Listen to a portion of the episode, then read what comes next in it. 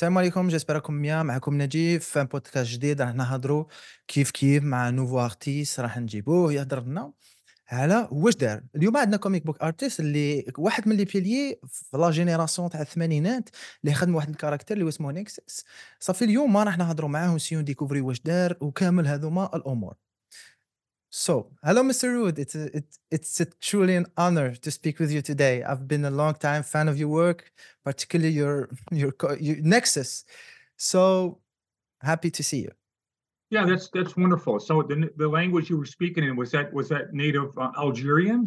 So yeah, it's a mix between combination yeah. of yeah, it's our dialect. It's a mix of everything. yeah. You, we were just talking earlier, uh, and I was curious about the native language in Algeria let, us go back to the to, to your start 70s 60s how did your artistic journey uh, or, or your love to comic books first take flight? And let's let's fast forward to 18s uh, how did you and mike baron come up with the idea of nexus? Well uh, baron came up with the idea. Um, yeah. and i would and i would say if i'm going to describe it in broad strokes um, you got to remember that most of the things that happen in a guy's life happen when you're young. And the reason for that is because young people are very impatient to get things going. So they, if you have ambition, you're gonna you're gonna uh, walk the streets and try to find anybody or anything that might um, offer you work and, and and pay you for it. So I would walk into the different um, you know campus newspaper ideas because I was living on a campus, um, a college campus. Um, the major newspapers were off someplace else, but all the student newspapers were up near the capital because Madison is the capital of Wisconsin. And since we're talking about that stuff, I live here now. Madison is right up here. Mm-hmm. Canada's up here. So there's your there's your geography for today. And um, so you eventually you will bump into people if you if you make enough contacts. Someone's going to say, "Well, have you talked to this guy?" And I would say, "Well, i've never heard of him. You know, who is he? Can you give me his phone number?" You know, back then there was no cell phones. Uh, we did things um, without cell phones. We we um, we had a yellow pages. And do you have yellow pages in Algeria? Did you ever have that in the phone book? No, no, we didn't. Actually, I don't remember anyone that used phone back back to seventies. I don't know, but today, I I don't thought they exist. I didn't think so. I don't think so. No. Yeah, they're all gone now. But that was that was an era that I understood and was comfortable with, and that's probably why I don't um, I don't favor anything digital, um, based on my age and the time that I grew up and the time that I learned what I learned in, in art schools. Um, it was it was all the way we used to do things. You know, you'd pick up a paintbrush and you'd you'd paint it on the canvas, and if you were trained well enough, you'd get a good looking picture. And that's that's the way uh, I I work. You know, I have no. Why would I want to leave that? I mean, it seems like everyone else is gone digital, but it's it's just not my thing. Um, so I'll I'll never be doing that. Um, and I like I like that fact. I want to keep the traditional stuff alive, Nahib. Mm-hmm. And and and and and then uh, how how both of you you and Mike collaborated uh, for ne- for for Nexus. Yeah, well, you know, once once uh, somebody somebody brought up his name and said, "Well, do you know a guy named Mike Baron?" I said, "No." Well, and they said, "Well, here's his number." So we we just hooked up. We got a hold of each other and we we met. And um, Baron handed off a script to me. And it was the first thing that we ever did. It was something called Encyclopedia Salesman. And uh, it took me a year to do it. It's 24 pages. I lettered it, drew it, inked it. it.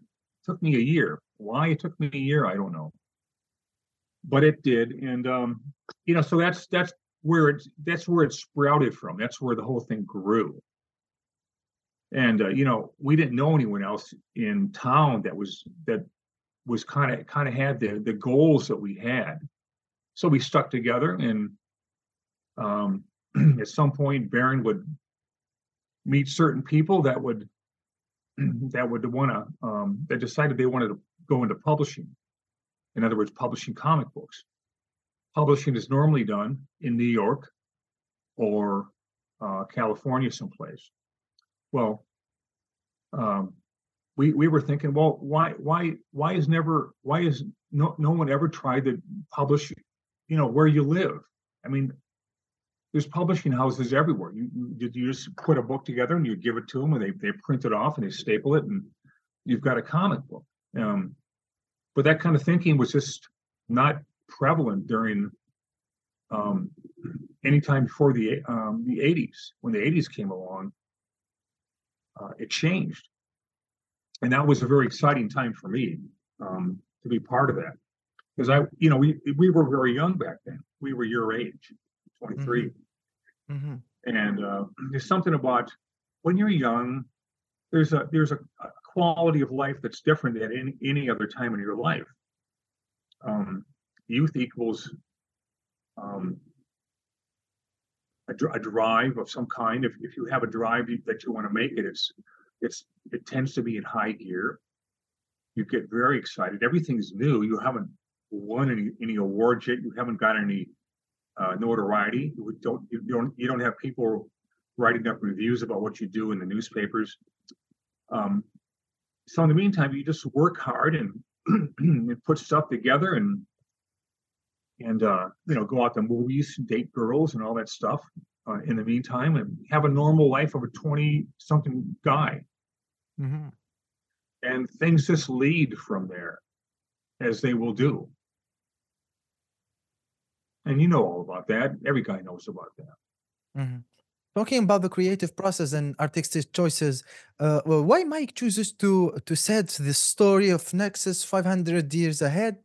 Uh, uh, uh, was it a tribute or particular character or something else? Well, um, I think the having the story take place 500 years in the future was just um, uh, well, you have a choice. You can you can go in the future, you can do it present day, or you you can go in the past. And we just we both liked and grew up on science fiction stories. They tend to be um, in the future, so that kind of decided that. And also, when you do things in the future, you, you get to stretch your imagination. What would you like to see in the future? Because Mhm. that kind of stuff is pretty common sense. You know, what are what are showers going to look like? What are fireplaces going to look like? What are cars going to look like? And we've seen these renderings many times before. You know, generally cars don't have wheels; they they float, they fly, and that's a that's a fun subject matter for me. And uh, but that that was settled pretty pretty quickly. Mhm. And and also when you when you put things in a different time, you can you can um, you can kind of make fun of the present by by telling stories in the future. Mhm. And I'm trying to think of how to describe that, but um, um, it it's something that's done all the time. And I I I per I um I myself think that's kind of a, a funny way to approach things Mhm. by by being in the future and looking back at the weird things that was taking place in the time we're in now. So it's a good it's a good story gimmick. Mm-hmm. While I see it. while do while doing my research, I I did find a teaser about the animated show, or uh, uh, uh, in 2004, I guess it was published. You made it actually. Um, well, fast forward for today, uh, there is a lot of speculations about whatever Nexus is will finally gets his own movie or uh, or series. If does ha- uh, if it does happen, how would you want it to to uh, how would you want it to unfold? Which director, studio, or genre do you think will be perfect? Uh, will be the perfect fit for the adaptation, animated or live action? Well, I'm strictly an animation guy, Nahib. Um, if uh, if I were to describe the perfect conditions to do it, I would go back in time to 1964, I think, to the Hanna Barbera Studios, and I would be a what they call a showrunner. hmm Um, but at that time, um, at that time in, in history, there was a show named Jonny Quest being produced, and that was that would be the forerunner of all the shows that that um, uh, that would come out that would be far inferior to that. And that that's always bothered me. You know, um, Doug Wildey, the creator of Jonny Quest, intended Jonny Quest to be one of the lesser versions of um, uh, semi-adult adventure cartoons. Uh, but instead, it, it it ended up being the, the high watermark, period. And so, me being a kid at that time, we saw these i saw these shows. They made a huge impact on me. Um, and this is this is kind of the the whole uh, the the whole um, pattern of life. Um, somebody does something that influences people. Uh, they tend to get influenced by something when they're young and that's usually made by people who are in their 30s and 40s and 50s they eventually pass on and little do they know that they've they've um, caused this ripple effect uh, in in future tense, where the guys that grew up on it decide one day that they want to carry on the tradition of what they saw when they were kids, and that's exactly what I'm all about. Um, so that's what I would want to do. Uh, but since it's not 1963 and 64, um, uh, I should just back up a little bit and tell you that the idea for this cartoon show featuring the comic book character Nexus has been um, was conceived about 40 years ago, 4 back in 1988. And uh, a bunch of friends got together. We we tried to learn animation, and we we failed miserably at it because we didn't know what we were doing. And, and eventually, we, like a lot of people, we picked up little things as we went along. Um, I did a pilot it was uh, it was we got some good stuff, but it wasn't we never finished it. Later on, I, I decided to redo it, and so when you see the the DVD package, that's the finished version of the original pilot that we did. Then I was able to get people from DreamWorks and Disney to help out with the animation because I didn't know how to do it. I could draw, I could do layouts and all that stuff, and I could supervise the whole show. But um, most everyone knows that when you're dealing with animation, it's helpful to have a couple hundred people behind you and mm-hmm. to give orders to. And I'm very optimistic about it, and yet um, I have nothing to show for it so far.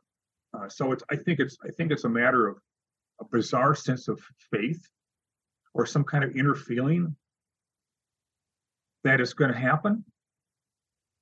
I don't know how else to describe it because I don't think I don't think you can describe those things in in actual words. It's just kind of a feeling, um, and everyone knows what I mean by that. But I've worked really hard on it. Um, I actually uh, have something here.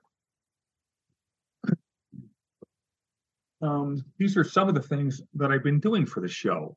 I call it the show, the Nexus show. and this is a sampling of literally hundreds and hundreds of um, uh, character sheets mm-hmm. of uh, all the main characters. And in the case of this, um, I make it really easy on myself by doing the main drawings here and then superimposing mouths and eyes over that same drawing. So if people want to know that they can change expressions on the character, you know, I drew in several more options over the same face, but just changes their expression a little bit. So I have a good number of these things here. Then we finally go back to um, the main sheet that started it all. I have um, a lot of these, a lot of these, many, many uh, hundreds of these things. I, I even have a folder of uh, outfits right here on top of all the um, the drawings that I've done for the layouts and all that and storyboards. Um, started to collect outfit ideas for uh for the for Sundra. Mm-hmm. That's one of them. I think that's a nightshirt of hers. This is a gym outfit. I saw some girl wearing this at the gym. And I, I thought it was really cool, so I copied it. this is some kind of a casual evening dress, I think. This is interesting. This is something I copied from the movie Xanadu. I thought Sundra Peale would look really good in something like this. And it's a really, it's a really cute outfit for her. So she's going to have that. The only trouble with this is that uh, the animators are going to have to learn how to animate folds really well. They're not, it's not like a skin tight outfit where there's a couple creases here and there. Here's the mannequin that I draw over to get all the stuff drawn over the, the character. Um, I'm not sure what this is. This is some some kind of dress of some kind. You can see I've got head drawings to the side if I want to change her hairstyle. So a lot of variety, lot of a lot of this and a lot of that. Actually, you have everything ready. Uh, I think with the with the revolution of comic books adaptations, DC, Marvel, uh, we have now Invincible, The Boys, a lot of adaptations. It's time to see something di- different, something futuristic, I guess. Yeah, well, I hear that a lot, Rahib. Um, given that I've been working on this tirelessly for uh, all these decades, and we still don't have an actual show. Um, I, th- I think the funniest thing about that that that long wait uh, and having nothing to show for it is I still believe that um, it's going to happen because I sense I, I sense something be, beyond me um, that's going to make it happen. And it's a very odd way to explain things, but um, you know people do have things called intuition, and uh, for all, all these decades, I've never wavered from that. I feel like if it's going to happen, it's going to happen because there's something, some entity uh, wishes it and wills it to happen. Mhm. I just wish they'd hurry up. Uh, we hope so. Uh, after that, in 2005, you also begin another series uh, f- uh, featuring the, the the moth character. I believe it moth, first yeah. the moth. I believe it first appeared in the 14s, so technically he's a character that already existed. When did you stumble upon this character, and what were your uh, intentions for the series? Did you want to do something else with it? Uh, uh, change some things? I don't know. Tell me about that. Yeah, well, the moth. Um, I I collected butterflies and moths when I was a kid. I I loved nature. I wanted. I thought I'd be a zoologist at one time. Um, but uh, I ended up doing what what I would eventually think of as the thing that was most fun and, and the thing that I was most suited to do, which is draw, draw and paint. And um, I thought of the moth originally because they were um, they were putting out trading cards and they were paying thousand dollars a card. Well, I didn't have any characters, so I thought, well, if I want that thousand dollars, I'll just have to make up a character, and that's where the moth came about, really. And there was another character called the Silencer, too. The Silencer was about a guy who was uh, deaf, and the moth was about a guy who, well, um, who would who would a guy who calls himself the moth be? We ended up um, putting him in the circus, and if we if we put him in the circus, it would justify all the all the um, ornate costumes that would be seen throughout the series, Mm. because that's part of their work uniforms are the ornate costumes that they that they wear in the circus. And if I put it in the circus, um, you know, people don't talk about the cir- the circus like they used to. It was it was something that was huge back in the mid 1800s, just huge. And there's no, there's no secret to that. There was nothing else to do in in small towns. When the circus came in, they would see these these wild um, um, animals from parts of the world they never knew existed, and they would set up and and uh, everyone would come. And everyone would have a good time and they would see all these acts and you know basically they, they just wanted to be entertained. Everyone wants to be entertained and that was the circus. It would come into town once a year. And uh, they'd move on to the next town. You know this very nomadic kind of lifestyle. But it was um, it was hugely entertaining for people um, in in past uh, decades in past times so if we brought the circus in now in a time when things things are a little tight with the circuses, and there's so many other things that would compete with it. Um, I thought, geez, maybe I can revive interest in the circus because I think it's an it's an institution that should never go away. I think it's too rooted in in tradition to um, to see it um, go away. I don't want to see that. So that's why we took him from where, where wherever he was and put him in a costume and put him in the circus. And the circus cast of characters are are just a scream. These people are seriously insane. And insane people tend to be kind of funny at the same time. So you give it, you get that, and you get the various trained animals in, and you get. It's almost like you have so many stories ideas that you might you're lucky if you can do them in in, in the rest of your lifetime. So the moth being what it is in the circus, and their cool costumes and all the people they're going to meet, the stories will go on forever, Nahib. So, uh, as a, uh, as an artist with a significant legacy in the comic book industry, uh, let's talk about our generation. How do you uh, uh, perceive the new wave of emerging comic book artists, uh, like Snyder or or Scott Snyder, for example? Are there any particular trends or or qualities in the in their work that you find intriguing? Well, that's a great question. I think everyone.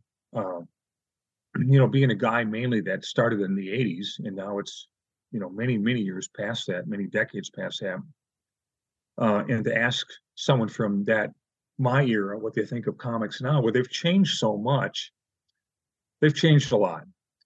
And my preference is not the comics of today. My heart belongs in, in the time that I grew up, and that would be the 60s. The 60s comic books were at the heart of everything that Marvel ever expanded upon and, and grew um, grew after, um, which is the, the the Silver Age years with Kirby and Stan Lee.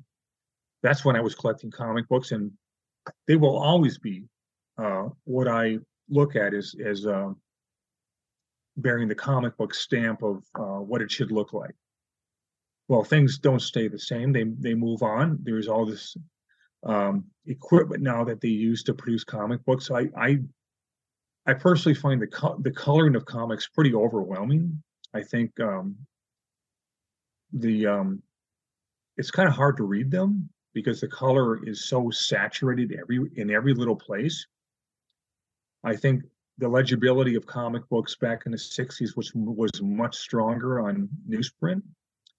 Um, the ink was soaked up better and and so the black line work stood out more.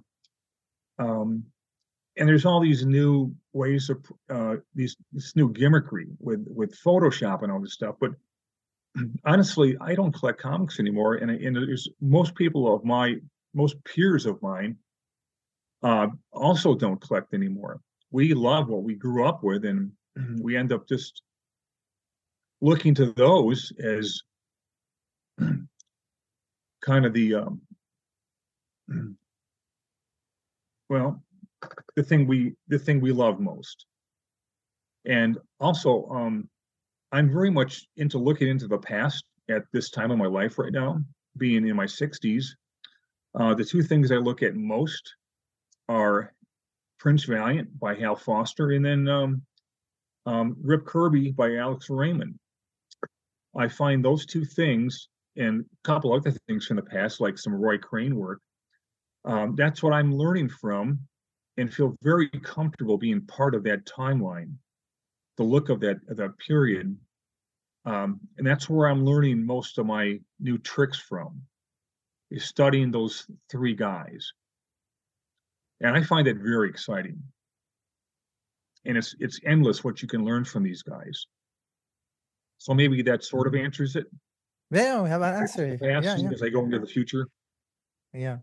So, le- uh, so Mr. Steve, let's go uh, to your uh, uh, other career with Marvel and DC. I'm a big fan. I'm a huge fan of DC. We have here, for example, the the Watchmen comic here, for example. It's in Arabic.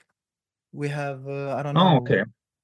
We have the the Batman here, the Court of Owl, for example.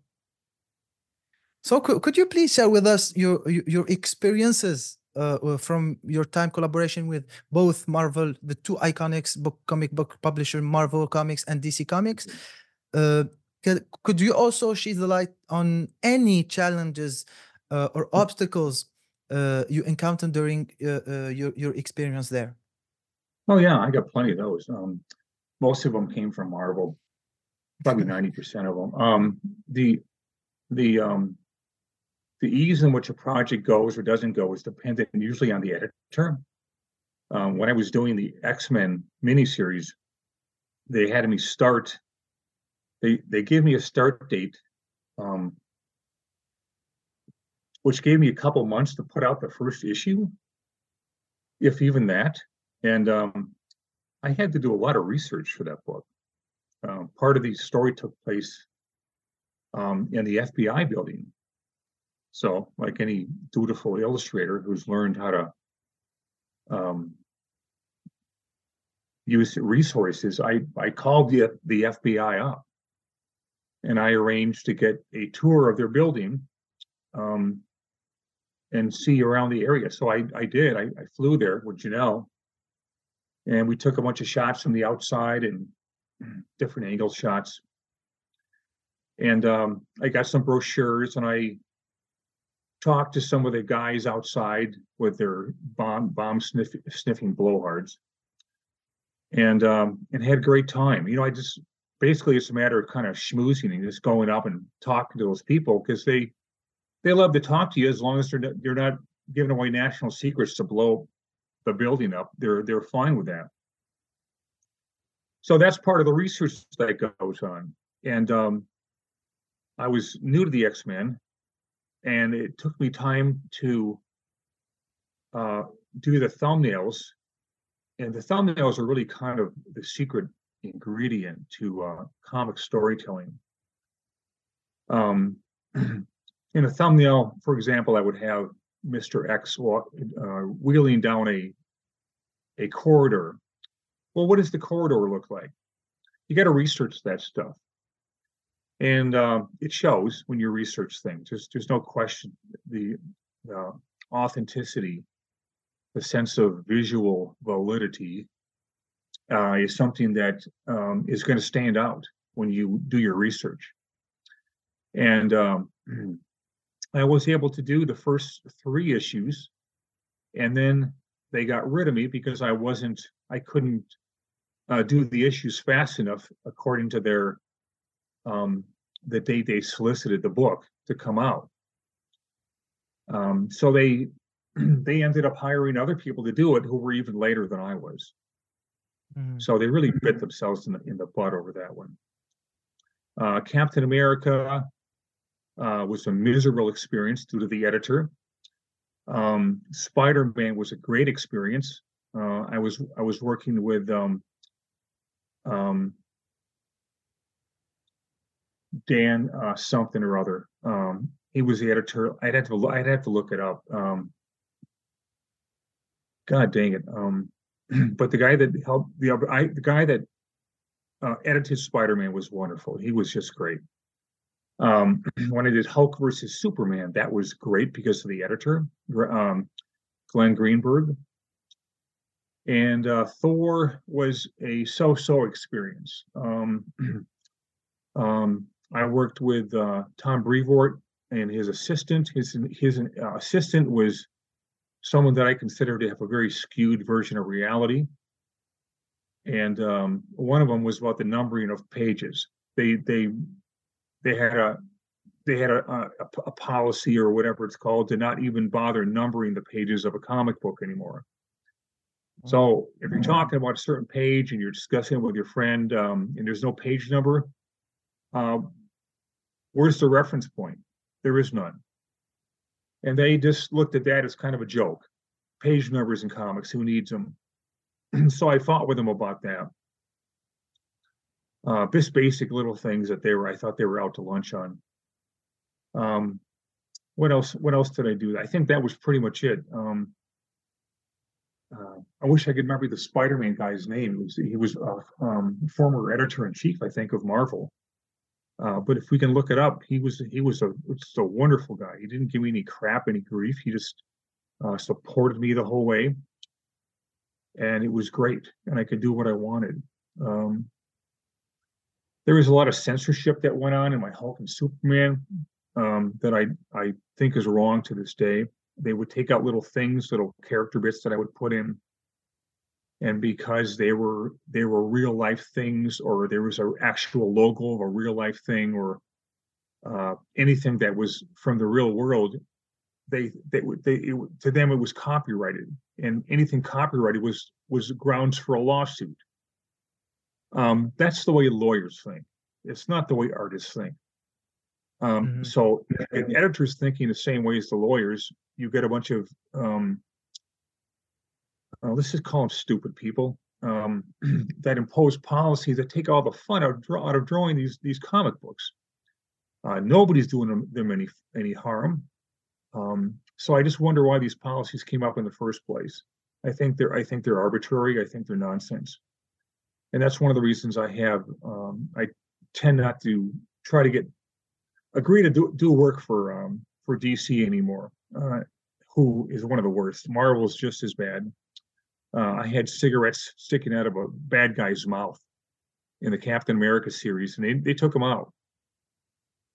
Mm-hmm. So th- th- th- there was a lot of censorships and problems with your experience in in Marvel Comics.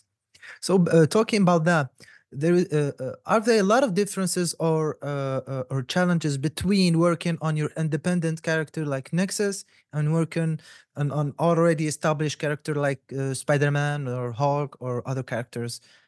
It's different. Well, it's it's um you know my roots are are uh, of those actual characters. I mean, those are the comics that I bought as a kid. Those are the ones that that inspired me um, as a kid. Um, but the time I was doing it was the 1980s, not the 1960s. Um, and if people bother to notice, they any character that I do is reflecting the artists that drew them from the 60s. Um, the Spider-Man look was strictly John Romita. The Captain America look was very much Jack Kirby. Uh, the X-Men was just me. That was just me. Um, Hulk and Superman, well, the, the first Hulk was my model for that, invented by Kirby, and the Superman character was from the original um, Shuster drawing, Joe Shuster drawing of Superman. That's what I based it on because I thought that was the coolest version. And for some reason, people looked at that and thought, well, no one's going to recognize the character. I said, I would say, what are you talking about? It's that's that's that's the version right there that started it all. And I happen to think it's the best. And they would argue with me about it editors love to argue. Um, they just should have gotten out of, out of my way and just let me do it. There is there's no reason to, to fuss around with that kind of stuff. Uh, in Nexus, I'm free. I can do anything I want. I can put in little things all over the place, and and uh, no one's going to call me up. Funny how that is, and and, and uh, um, mention that they're going to sue me for a hundred billion dollars for putting a Starbucks logo on some coffee cup. Um, Nexus is whatever I want to do with it, I can do. And that's that's that's the only that only limits my imagination. And I have no limits on imagination. So um that's why it's it's the comic books are the perfect vehicle with a uh, with um with a person with an imagination. There's no cap on it. There's no top. There's no there's no finality to, to imagination. Mm-hmm. That's why we love being in the field. Mm-hmm. Let's go back a little bit about talking about live live action adaptations of comics. I want to know your your opinion uh, as a veteran in, in the in the in, in the industry. Are you uh, convinced that superhero uh, fatigue is, is a real thing uh, right now in, in the world of cinema or, and television uh, uh, and and in or Hollywood in general? Um, the the co-CEO of DC, James Gunn, said no. There is there is um, uh, less original ideas or less good scripts but other people say no there there is a really uh, superhero fatigue uh, what do you, what's your opinion about that uh, well you mentioned the word uh, superhero fatigue and that fatigue. that infers to me that people are getting um, tired of uh, one movie after another you know, and, and that's the way everything goes. Uh, the first couple things are always exciting and new, and then when you go on for the next four or five years, inevitably it's gonna uh, the box office numbers aren't going to be quite what they they were in the beginning. Um, uh, you know, scripts have everything to do with it, and the, and the director has everything to do with it. Um, the DC movies, to me, have been horribly mismanaged. Um, I was told by a friend that uh, Zack Snyder, the guy that directed many of the movies, hated Superman. Well, isn't it? That's just the kind of guy you want directing a movie about Superman, right?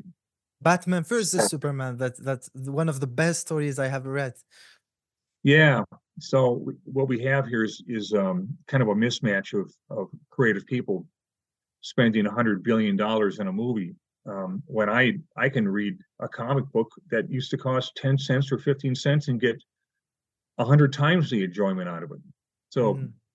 that shows you a sense of perspective of uh, uh, what is and what isn't uh, of great influence on people like myself. Interesting. So not sure I answered that, but uh, um, yeah, we have we have an answer actually. Okay. Thank you so much, Mr. Rude, uh, for taking the time to share your thoughts and your experiences with us today. It's been a pleasure to talk with you. It was an enjoyable conversation. So, uh, do you want to to pass a message for those uh, fans of of the Nexus uh, character in general? Yeah, I do. Um, well, I can I can actually show them a few things here that they might find interesting. Um, um, you know, I paint my covers as illustrations, and this mm -hmm. is mm-hmm. the one I'm currently working on right now. Uh, this is part of uh, part five of the, the Battle for Thune World stories. You know, trying to get way up there. And this is in progress. This is about halfway done. A little bit of this, a little bit of that. It's kind of a, um, a montage cover. And I love thinking up those things because they're they're allegories.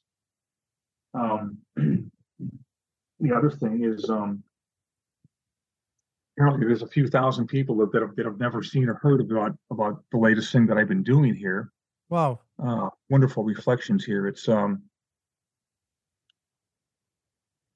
um these are hardcover books. A limited uh, collection?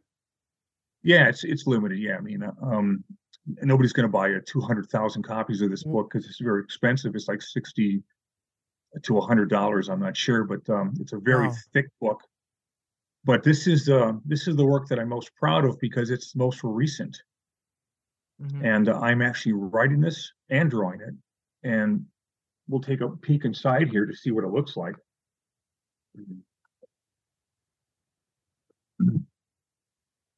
Wow, interesting. That's um, yeah, that's that's the full story right there. There's pages where Nexus is actually in there it's it's just a beautiful production. It's um it I have to I had I'd have to call it this the um, crowning moment of my career. Um, we have a section of pencils and what they look like. So people that are that want to get um, the drop on how some people work to produce the work itself. That's in here. What else is in here? Um, Oh, the inking. This is the inking without the color. Wow. After you get done drawing it, you brush in it with ink, make it permanent, and then it goes to the color. So all that is in here too. All three versions before it gets colored. In the back is fun time. The back is is is time to um, uh, just have a little fun. There's another strip in the back of the book called Out There. It's hilarious.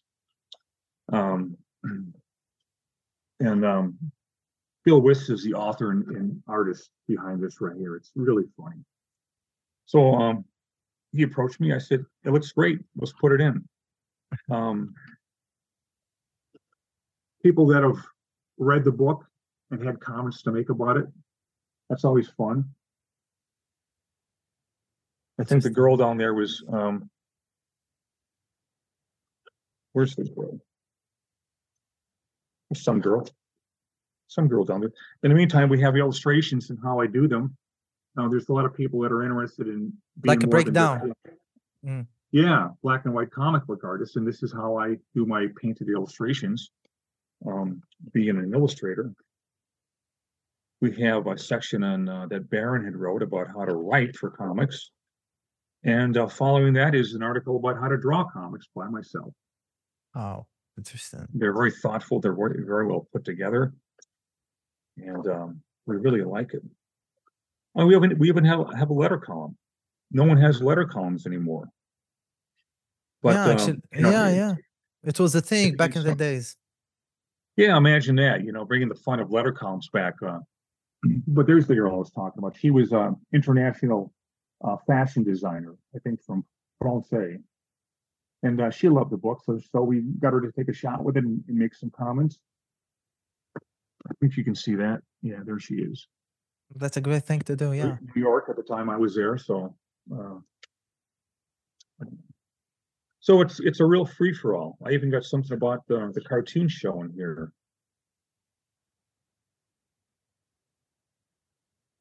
Which is probably, oh, here it is. It's not hiding that far. We talk about the show. I, that's how I I refer to it, the show, the Mhm. Nexus show. And um, some of the, some of the work I've done for it. Interesting. Yeah. Wow. These are all layouts and I'm actually trying to learn how to animate some of these scenes right now too. So, uh, uh, four decades of work put into a cartoon show that has yet to be. We hope to see it one day. Huh? It will be a great Yeah, I show. sure think. do. This, um, this, this show, and I don't know, I, this, this, the, the fans get it. Um, I get it. Everyone else gets it, but the people, the people that, uh, have to, uh, consent to these things, um, uh, I essentially kind of call them cowards. They're, uh, they're very nervous people. They, uh, they'll do anything to keep their jobs. And the only reason, the only way they can keep their job is by playing things safe. And that's where the cowardice part comes in. I say if you're gonna, if you're gonna, if you've been given that position for a reason, you need to assert yourself and decide what you are hired for in the first place, which is your taste in what you think should go in the air. And the hell with uh, you know, things that might happen later on. Just go for it. But they don't, they don't really want to do that. Um, they're too afraid all the time. So that causes a lot of uh, a lot of mixed messages that go on between people like myself and the people that uh, say they want to make it. And it's um, it's it's a industry of uh, perpetual indecision based on Mhm. some of the things I just mentioned. But like I said, I have faith. I don't know why I, I have it. I don't know where it comes from, but uh, um, I think all this work that I've done, this pile of work that goes up about 12 inches, I think it's I think it's gonna pay off. We hope so one day. So thank you so much again, Mr. Steve. We'll talk to you soon. Why not? Thank you yourself, Nadjib, and uh, I appreciate your, your good questions and uh, calling from halfway around the world. Thank you so me. much. Thank you so much. Okay, So I, I will send you the links when we post it. You have we'll have the time to watch it again. Thank you so much, Mr. Steve. It's been a pleasure to talk with you after reading comics back in like 10 years from now. So happy to talk with you again. and a pleasure in my my part too. We'll see you later. Thank you so much. Bye bye.